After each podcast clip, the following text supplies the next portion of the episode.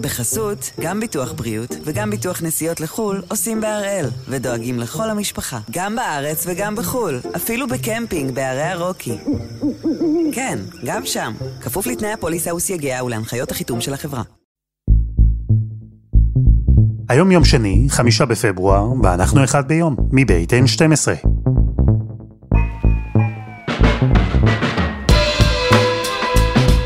אני אלעד שמחיוף ואנחנו כאן כדי להבין טוב יותר מה קורה סביבנו, סיפור אחד ביום, בכל יום.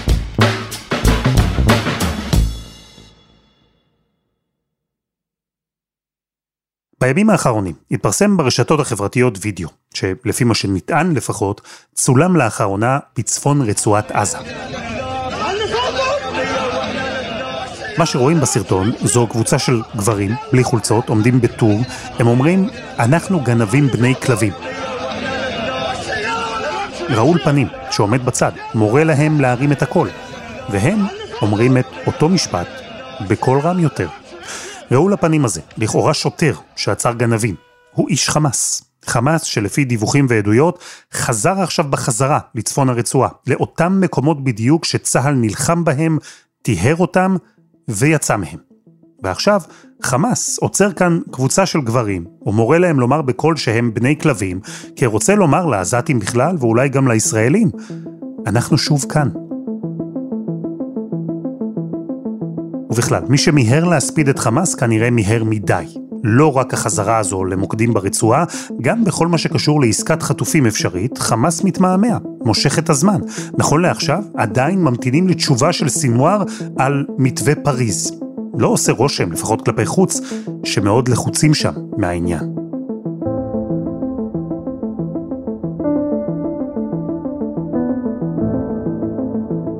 אז ביום המאה ה-22 של מלחמת אוקטובר 23, אנחנו עם דוקטור מיכאל מילשטיין, ראש הפורום ללימודים פלסטינים במרכז דיין של אוניברסיטת תל אביב, על מה שקורה בחמאס.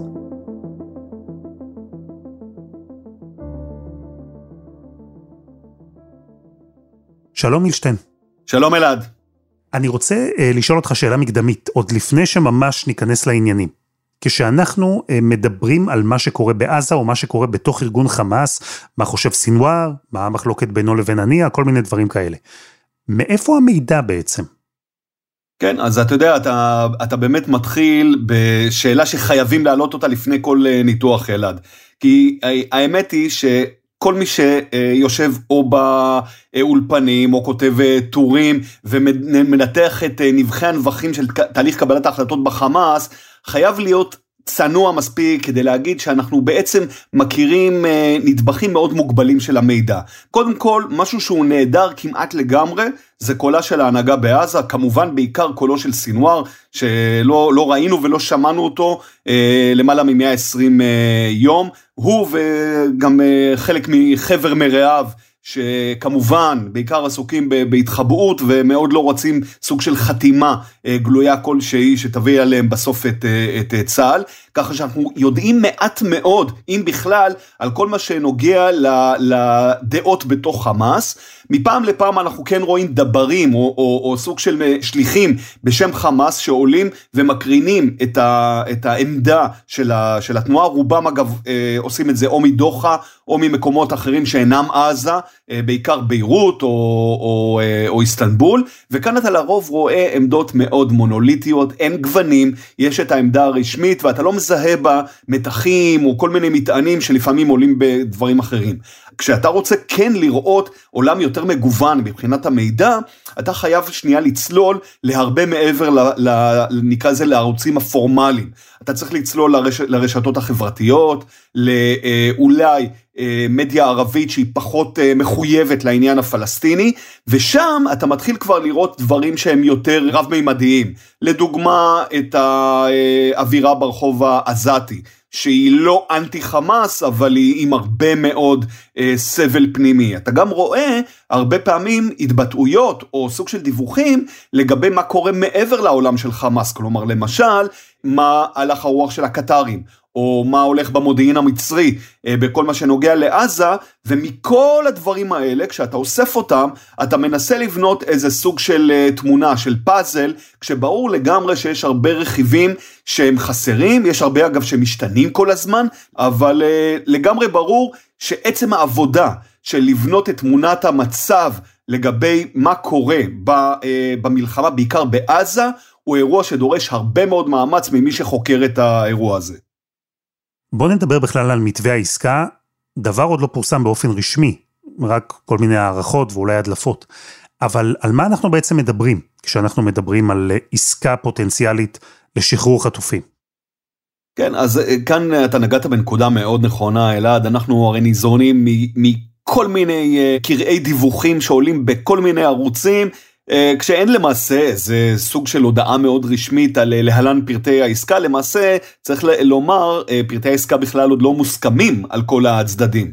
כשצוללים פנימה ומנסים באמת ככה להבין מה, מה בכל זאת, נקרא לזה אפילו המגמות המרכזיות בתוך ההסכם שאולי יצא לפועל, אז אנחנו רואים דבר אחד מאוד מרכזי והוא כל נושא השחרורים, שחרור החטופים ולעומתם שחרור אה, אה, האסירים הפלסטינים, כשאנחנו מדברים כנראה על אה, כמה פעימות שמתממשות ב, על פרק זמן שכמובן עוד לא נקבע מהו, לישראל יש רצון שהוא יהיה כמה שיותר קצר, לחמאס שהוא יהיה כמה שיותר ארוך, אולי אפילו בלי סוף, שבמסגרתם משוחררים החטופים על פי קריטריונים, בין אם זה אזרחים, אה, בעיקר נשים, לאחר מכן אה, אנשים מבוגרים, חולים, אה, חיילות, חיילים, גם גופות של, של ישראלים, כשמול זה ישראל משחררת אסירים פלסטינים, כולל מה שמוגדר אסירים כבדים מאוד, עם דם על הידיים ועם הרבה מאוד מאסרי עולם,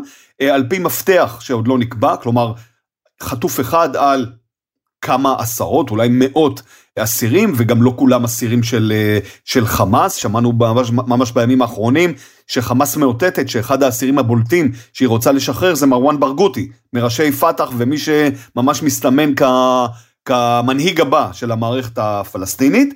מה שנעדר, וזה הייתי אומר אלעד לא פיל, זאת ממוטה אה, אדירה בחדר, אה, וממש נראה שהצדדים על זה מתנפצים, אבל זה כאילו לא נמצא בנוסח של ההצעות, זה השאלה של, אוקיי, העסקה הזאת, האם היא הפוגה, הפסקת אש, כמו שרוצה ישראל, ולאחריה אפשר לחזור ללחימה, או שהיא סיום המלחמה, מה שאומרת חמאס. אתה לא באמת יכול להעביר קו ישר שמצליח לחבר את שני הניגודים האלה, וכאמור, כרגע המון סימני שאלה וחוסר ודאות מאוד עמוק. ובזמן שבו אתה ואני משוחחים, חמאס עדיין לא החזיר תשובה, למרות שמדי פעם יוצאים דיווחים, בתקשורת הערבית בעיקר, כאילו הנה זה אוטוטו קורה. כן, אז תראה, קודם כל באמת אה, נתעכב אה, שנייה, אלעד, על הסיפור הזה של ההשתהות של חמאס, כי לכאורה אנחנו אמורים אה, לחשוב, חמאס הרי יש לו אינטרס, הוא אפילו לחוץ, אנחנו כל הזמן מקדמים מולו מהלכים צבאיים, ויש לו ממש אינטרס לקדם מהר את העסקה, ואתה רואה שיש כאן ממש השתהות, כלומר, הם אמרו, נעביר את התשובה עד סוף השבוע שעבר, והם עכשיו אומרים, ייקח לנו אולי איזה כמה ימים. כלומר, אתה רואה גורם, וכאן זה קשה לנו, לישראלים, אולי להקל, אבל גורם שלא אץ לו הזמן, ולא מרגיש מאוד לחוץ. עכשיו, כאן צריך לומר, אלעד, כשמסתכלים על המציאות מבעד לעיניו של יחיא סנוואר, ביום המאה ה-21 למלחמה, תראה, הוא רואה כוחות צה"ל אה, שהולכים ומדללים ברצועת עזה, אה, הוא רואה מצב שבו הוא לאט לאט חוזר אה, לצפון, לחץ ישראלי מאוד אינטנסיבי בזירה הציבורית בנושא העסקה. עד עכשיו עוד לא עלו על עקבותיו, ככה שלא לא חייבים למהר ולתת תשובה. אז מה, זו טקטיקת משא ומתן? כי הרי ברקע יש דיווחים שסינואר והנייה פשוט לא מסכימים ביניהם. כאילו בקטאר הנהגת חמאס מתעקשת שאפשר להוציא תנאים טובים יותר, בזמן שההנהגה בעזה נוטה דווקא להתקדם עם המתווה. אני לא יודע להגיד דברים נורא מבוססים ו- וחד משמעיים לגבי השאלה של האם באמת יש uh, מאבק יצרי בתוך חמאס. היו כמה פעמים שהיו כאלה דברים. היו אגב הרבה פעמים שבהם חמאס ממש התעקשה לטעת uh, סוג של דימוי כוזב בתודעה הקולקטיבית אה, הפלסטינית או, או הישראלית, אה, כאילו יש מאבקים פנימיים וזה נועד קצת כדי אה, להפיג לחצים עליה, להגיד אה, תראו אנחנו עומדים כאן במחלוקות מאוד קשות, אה, אנחנו מתקשים לקבל אה, תשובה, יש כאן אה, אה, באמת אה, עניינים עקרוניים מאוד. אני לא בטוח שזה לא גם הפעם העניין הזה, כלומר אה, ניסיון ככה קצת אה, לשדר כל מיני אה, מסרים של מחלוקות פנימיות. כנראה שיש איזה דיון, התדיינות לפחות פנימית, אבל כשאתה מסתכל על, ה, על המישור הפומבי, אתה לא מוצא שם גיוונים, אתה מוצא עמדה מאוד מונוליטית ומאוד עקרונית, שאומרת, הנושא שעליו אנחנו לא נתפשר בשום פנים ואופן במסגרת עסקה, היא הפסקת המלחמה. על העניינים של מספרי אסירים ועל הומניטרי, זה אין בעיה, אפשר להתווכח על זה, זה אגב מאוד מעניין, כי בעוד ישראל מאוד נסערת מהנושא של האסירים, מה שחשוב לחמאס זה בעיקר סיום המלחמה. ועל העניין הזה של סיום המלחמה אתה רואה שאין ריבוי אה, קולות בחמאס, יש אמירות מאוד ברורות, ורק כדי להכין את עצמנו, כדי שלא יהיה לנו, לציבור הישראלי, סוג של מפל ציפיות, אנחנו חייבים להבין שזאת נקודה כמעט קיומית אה, אה, אצל חמאס, על זה היא לא תתפשר, וזאת אה, הנקודה שישראל גם תצטרך להבין שאם היא רוצה להשיג איזו עסקה, היא תצטרך כאן להבין את, ה, את העיקרון הזה של חמאס ולהחליט האם כן או לא מבחינתה אה, נכון אה, ללכת לקראת הארגון. אתה אומר שזו נקודה כמעט קיומית, אבל זו בעצם מהות הקיום של חמאס, כי בעצם הדרישה לסיום המלחמה, חמאס אומר לישראל, תשאירי אותנו בחיים ותשאירי אותנו בשלטון, וזה בניגוד מוחלט למטרת המלחמה של ישראל. אז זה נשמע לי כאילו יש כאן שני צדדים שלא באמת יכולים להיפגש, כשהפער בשאלה הכי בסיסית הוא עד כדי כך מהותי. כשאנחנו שואלים את השאלה, רגע, אז איך כן אפשר איכשהו לגשר על שתי עמדות כל כך תהומיות, אני חושב שכאן אה, יש שתי אפשרויות. אחת, ששני הצדדים פשוט יתעלמו מאותו פיל ענק במסגרת אה, סוג של נוסח אה, של עסקה. כלומר, ידובר בה על הפעימות, ידובר בה אה, על, אה, על הנושא של אה, השיקום, של הסיוע ההומניטרי, אולי אפילו נסיגת כוחות אה, צה"ל מעזה, לא יהיה באזכור של השאלה, רגע, האם זה סוף המלחמה, או סוג של הפסקה, הפוגת אש, שחוזרים אחרי זה ללחימה. וכאן כאילו, אם אתה משאיר את העניין הזה פתוח, אז לכאורה אתה יכול פשוט אה, לגרום לשני הצדדים אה, להגיד, אה, זה פחות או יותר מה שאני התכוונתי. הדבר השני, זה לעשות סוג של, הייתי קורא לזה להטות אה, מילולי. שלכאורה נותן מענה לדרישות של שני הצדדים. לדוגמה, להגיד שאנחנו מתחילים הפוגה, הפסקת אש, שיכולה אולי להתפתח למשהו יותר ארוך, כמו שחמאס רוצה. זה כמובן הולך להיתקל בהרבה מאוד סימני שאלה ו- ו- והרבה מאוד אה, אה, אפילו עמדות מאוד נזעמות, גם בפוליטיקה הישראלית, גם בזירה הפלסטינית. אבל אנחנו צריכים להבין שאלה פחות או יותר. האופציות שקיימות, כי אתה לא תמצא כנראה איזה נכונות בסוף של חמאס, גם אחרי פגיעות אה, צבאיות מאוד קשות, ללכת ולהגיד, אוקיי, אנחנו מקבלים את התנאים הישראלים, בעיקר את הקטע הזה של השארת האופציה של חזרה למלחמה. אגב, אנחנו גם צריכים לדעתי, זאת דעתי האישית, אה, להסיר את הרעיון הזה של אולי נצליח גם בסוף לדחוף את, את אה, סינואר ואת חבר מרעיו לצאת, להתפנות מעזה במסגרת של איזו עסקה, תחושתי, הוא לא יסכים, אה, העקרונות האידיאולוגיים שלו אה, יגרמו לו יותר להיאבק עד המוות בבונקר ברצועת עזה מאשר להתפנות מהאזור הזה, ואלה מעט האופציות שעומדות בפני ישראל. רגע, אבל תסביר לי משהו. אם המטרה המרכזית של חמאס היא הפסקת המלחמה, הפסקה מוחלטת של המלחמה, כי אנחנו שומעים גם על סעיף שאולי יהיה בעסקה, שלפיו אה, יהיו ערבויות בינלאומיות לכך שישראל לא תחדש את המלחמה. מה יכול לגרום לחמאס לסגת מהדרישה הזו? איזה מנוף לחץ יש לנו, או בכלל, שיכול לגרום לסינואר לקבל כל דבר שהוא לא הפסקה מוחלטת וברורה של המלחמה?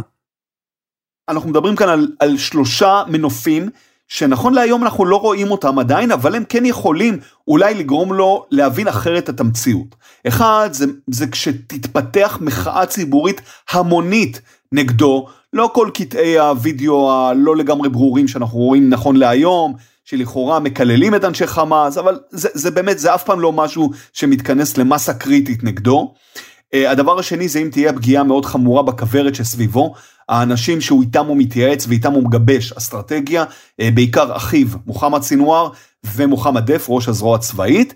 והדבר השלישי זה אם קטאר פתאום תצא מאורה ותגיד, תשמעו, אנחנו משנים איתכם אה, שפה. אתם לא אה, רק מקשיבים למה שאנחנו אומרים, אתם עושים את מה שאנחנו אומרים. ובשביל זה אנחנו ממש צריכים לראות את הקטרים, אה, את כל כובד משקלם, ממנפים מול חמאס, זה לא קורה, אני לא יודע אם זה אי פעם יקרה, אבל זה משהו גם שיכול לגרום לסינואר לזוז. אגב, כמובן שיש את האופציה של אם לדוגמה סינואר ייעלם, שזה כמובן אנחנו כולנו מייחלים שזה, שזה מה שיקרה, וגם כאן יכול מאוד להיות שאנחנו נראה חמאס שיוצאת מאיזון ומדברת אחרת. אבל כאמור, כדי להגיע למציאות שבה אה, חמאס חושבת, מתנהלת אחרת, אתה חייב לעמוד באחד הקריטריונים האלה, ואנחנו עדיין לא שם. תגיד, אבל אפרופו המנוף הראשון שדיברת עליו, התקוממות אזרחית של אה, תושבי עזה נגד חמאס, יש סרטונים שיוצאים בימים האחרונים ולא רק, של אה, הפגנות, מונולוגים של תושבי עזה נגד חמאס. כל הדבר הזה יכול באמת להגיע להיקף שיאיים על חמאס? תראה, אני אגיד את זה בצורה מאוד מאוד uh, זהירה. רוב הסרטונים שמגיעים, ואנחנו רואים בהם בעיקר קללות של אנשי חמאס, uh, או של תושבים נגד uh, סינואר, אני מתכוון אנשי חמאס שנשבו כמובן, מגיעים ממקורות ישראליים. הדברים האלה מלכתחילה מלווים בהמון סימני שאלה בזירה הפלסטינית, אה, בתור כאלה שהם חצי מפושלים, חצי מבוימים, נאמרים לפעמים במצב של, אה, אתה יודע, שבויים, שמישהו מנצח עליהם. אגב, בחלק מהסרטונים אתה פשוט שומע מגפונים אה, שבהם נשמעים גורמי צה"ל שפונים לציבור הפלסטיני ומסבירים לו דברים בעייתיים על ההנהגה שלו. אה, כל עוד זה מגיע, רוב הדברים מגיעים משם, אני, קשה לי להתייחס לזה באמת בתור איזה באז מאוד אה, אותנטי. זה ברור לגמרי שהציבור הפלסטיני סובל בצורה בלתי רגילה. אנחנו מדברים באמת על מצב שבו 90% מה, מהציבור הזה הפך להיות אה, עקור וחי בנסיבות של החורף הקשה הזה באוהלים. בדרום, בדרום הרצועה, עוד אין שם עניינים של אה, אסון הומניטרי, רעב אה, או מחלות, אבל ברור לגמרי שהתנאים הם לא טובים. מצד שני, אנחנו עדיין לא מדברים על מצב שבו הציבור הסובל הזה אה, מתחיל לפתח את התסכול האדיר שלו להאשמה נגד חמאס.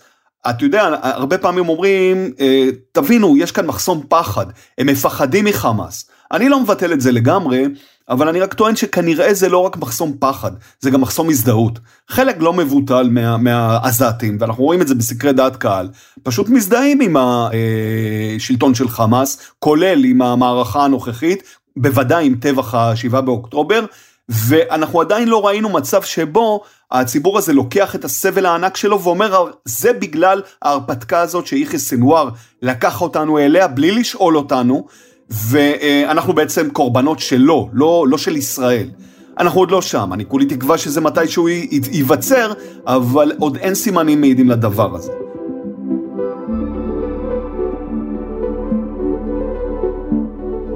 חסות אחת, וממש מיד חוזרים.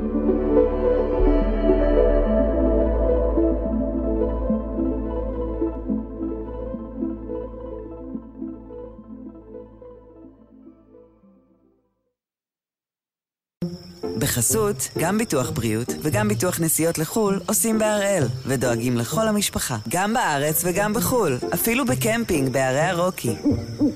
כן, גם שם, כפוף לתנאי הפוליסה וסייגיה ולהנחיות החיתום של החברה. מילשטיין, אנחנו אה, מנסים להסתכל מעט מקרוב יותר על המצב של חמאס בעזה, לא על אה, סדר הכוחות, לא מבחינה צבאית, אנחנו שמענו שלפי הערכות צה"ל, שלושת רבעי מהגדודים של חמאס נוטרלו, בימים הקרובים אומרים בצבא, גם גדוד ח'אן יונס כבר יהיה עניין של העבר. אנחנו מתמקדים כאן בשליטה שיש לארגון בעזה, הכוח שיש לו ברצועה, או הכוח שהוא חושב שיש לו ברצועה. והנה, אה, מתרבות העדויות. שחמאס לא נמצא רק מתחת לאדמה, אלא הוא כבר חזר להיות גם מעליה, ולא ברפיח או באזורים שאליהם צה"ל לא הגיע, אלא בצפון הרצועה, מקומות שצה"ל כבר היה בהם, נלחם בהם, כבש אותם וטיהר אותם. מה שאנחנו רואים בצפון, וזה באמת סוגיה מאוד מאוד אסטרטגית מבחינת ישראל, כי היא מהותית לעניין של יעדי המלחמה, הוא סוג של חזרה איטית, הדרגתית, אפילו הייתי קורא לזה סמויה, של חמאס למרחבים אה, שבהם צה"ל היה והתפנה מהם. אנחנו רואים את זה נעשה בצורה אה, שהייתי אומר תואמת מאוד את ה-DNA של חמאס, גמיש מאוד. אה, מאוד לא קונבנציונלי, מאוד סטגלן, אתה רואה לדוגמה אה, פקידי עירייה, עיריית עזה, או אנשי מנגנון ההגנה האזרחית, מתחילים למלא את התפקידים הבסיסיים של שירותים לאזרח או של סדר ציבורי, אתה רואה שוטרים אה, בלבוש אזרחי, אולי פעילי זרוע צבאית, גם מתחילים לפעול בצורה ככה נקרא לזה מתחת לתדר בכל מיני מוקדים ולהשליט את המרות, את אכיפת החוק של חמאס על כל מיני מוקדים בעזה. ואתה מצליח להבין שלאט לאט, וכאמור עוד פעם, בצורה מאוד מאוד זהירה, חמאס מנסה לחזור ולשקם את המעמד שלו אה, באזורים האלה, תוך כדי הבנה ברורה שצה"ל ממשיך בפעילות בכל מה שנוגע לדגם השלב השלישי, כלומר יותר פשיטות ופחות אה, נוכחות בשטח, וחמאס מתחיל להכין את עצמו לשלב הזה. ורק כדי שנהיה באותו עמוד, כשאתה אומר שוטרים, פקידים אזרחיים, אתה בעצם אומר אנשי חמאס? בעצם אנשי חמאס. כלומר, תראה, אה, לחמאס יש שיטות מאוד מאוד רב-מימדיות, מאוד אפילו הייתי אומר רוויות בהונאה. אה, כדי אה, לכאורה להשתמש בכל מיני פרוקסיס, בכל מיני שליחים שלובשים כובעים שאתה יכול להגיד, תשמע, זה משטרה כחולה, זה לא בדיוק חמאס, בסופו של יום כולם חמאס. וכן, ברור, אה, פקיד עירייה שעובד בשיקום צינורות מים, או איש הגנה אזרחית שעוסק בפינוי הריסות, או שוטר שעוסק בתפיסת בוזזים של בתים, הוא בסופו של דבר, גם אם לא כתוב לו למעלה על הכובע, אה, חמאס הוא מייצג של האינטרסים של חמאס, ואנחנו חייבים אה, להבין שאנחנו לא נוכל בישראל להתחיל לדבר על היום שאחרי, או על סדר חדש, או על אה, להביא לכאן כוחות אחרים שאינם חמאס, כל עוד זאת המציאות. אבל יש משהו שאני בכל זאת לא מצליח להבין. השוטר בלבוש אזרחי שהוא איש חמאס. אתה יודע את זה, אני יודע את זה, התקשורת בעולם מדברת על זה ויודעת את זה, המאזינים שלנו עכשיו יודעים על זה. אז מה הקטע? למה שחמאס יחזור לשטח, אבל יעשה את זה עם אה, פקידי עירייה ועם אה, אנשי תברואה? אנחנו צריכים לזכור כאן שני דברים. אחד, מבחינת חמאס, עזה, שגם נקראת בעגה של, אה, של החמאס פנימה הפרויקט, אל-משרו, היא הנכס הכי חשוב של הארגון הזה. זה המקום היחיד והכי בולט והכי חשוב שבו הם הצליחו לממש ריבונות על טריטוריה, על אזרחים, והם לא הולכים לוותר על זה. ואחד הדברים המרכזיים שהם רשמו לעצמם, אולי הכי מרכזי, שהם רשמו לעצמם בתור יעד לאחר השבעה באוקטובר, זה שימור הפרויקט הזה ושימור השרידות. וכשהם מתחילים להציף את השטח בשוטרים, פקידים, אנשי זרוע, אנשי רווחה, הם בעצם אומרים לעצמם ואומרים גם לציבור, תראו, אנחנו, אתם כולנו יודעים איזה מכות איומות ספגנו, שיהיה ברור, אנחנו לא נעלמנו לשום מקום, אנחנו גם לא נעלם לשום מקום. ומהרבה בחינות זאת גם אמירה של חמאס, שהיא סימבולית לזירה הפנימית וגם לזירה החיצונית, אבל גם אמצעי שלה בעצם להתחיל לשקם את כל המציאות שהתקיימה עד השבעה באוקטובר, כלומר מציאות שבה חמאס היא הכתובת המרכזית, היחידה בעצם, שאפשר להגדיר אותה כריבונות בעזה, וכרגע כאמור הדברים נעשים לא, לא בהצלחה של 100%, אבל בצורה הדרגתית, עם אה, סוג של ניסוי וטעייה, לימוד מתמיד של האילוצים החדשים, אבל עם יעד מאוד ברור אה, להשלים את המשימה הזאת. אז זה בדיוק מחבר אותי לנקודת הביקורת, או נקודה של חשש, שעולה בתקופה האחרונה. ישראל, כך אומרים, כבר צריכה להכין את הקרקע ליורש, לארגון אחר, שלא יאפשר לחמאס לחזור ולתפוס את עמדות הכוח. כי בסוף, אם העזתי הממוצע, או אם חבר חמולה בעזה, או מה שלא יהיה, אם האנשים האלה רואים בעיניים ומבינים שחמאס חזר, אז אין שום סיכוי שמשם תצמח אלטרנטיבה. כן, אז אתה נגעת, אלעד, ואתה יודע, ב...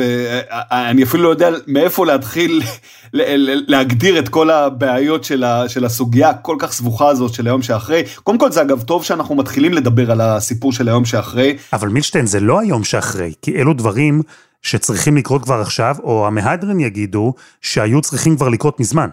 נכון. ולפי המציאות שאתה מתאר ברצועה, ולפי התוכנית הזו של חמאס, ישראל לא יכולה להרשות לעצמה לומר, אוקיי, המלחמה כולה תיגמר, נרסק את חמאס ורק אז נחליף אותו.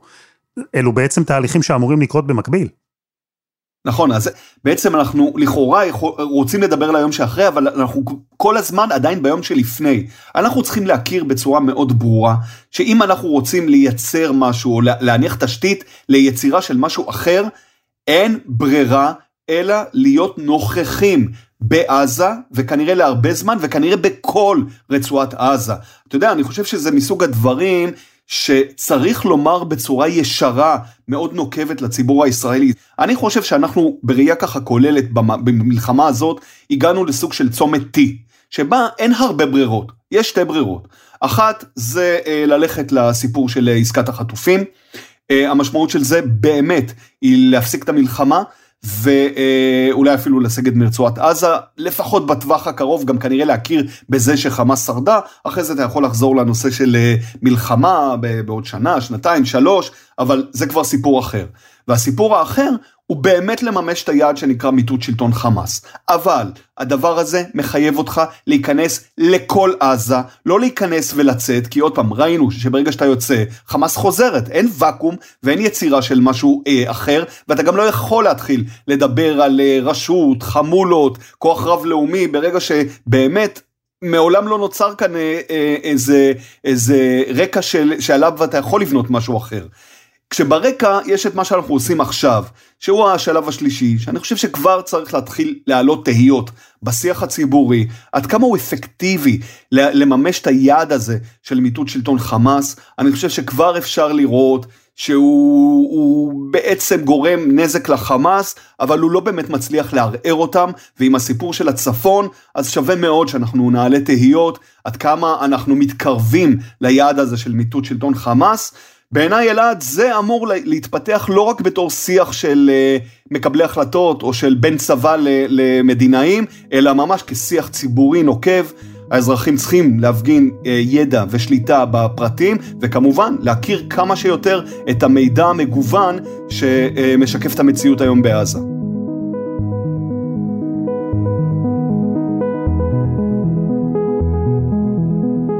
דוקטור מיכאל מילשטיין, תודה רבה. תודה לך אלעד.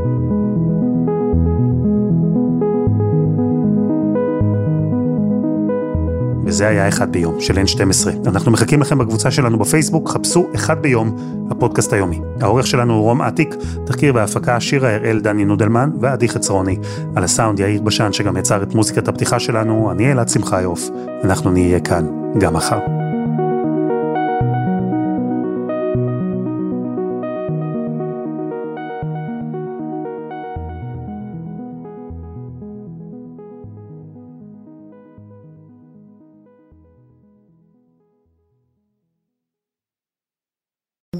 בחסות, גם ביטוח בריאות וגם ביטוח נסיעות לחו"ל עושים בהראל, ודואגים לכל המשפחה, גם בארץ וגם בחו"ל, אפילו בקמפינג בערי הרוקי. כן, גם שם, כפוף לתנאי הפוליסה וסייגיה ולהנחיות החיתום של החברה.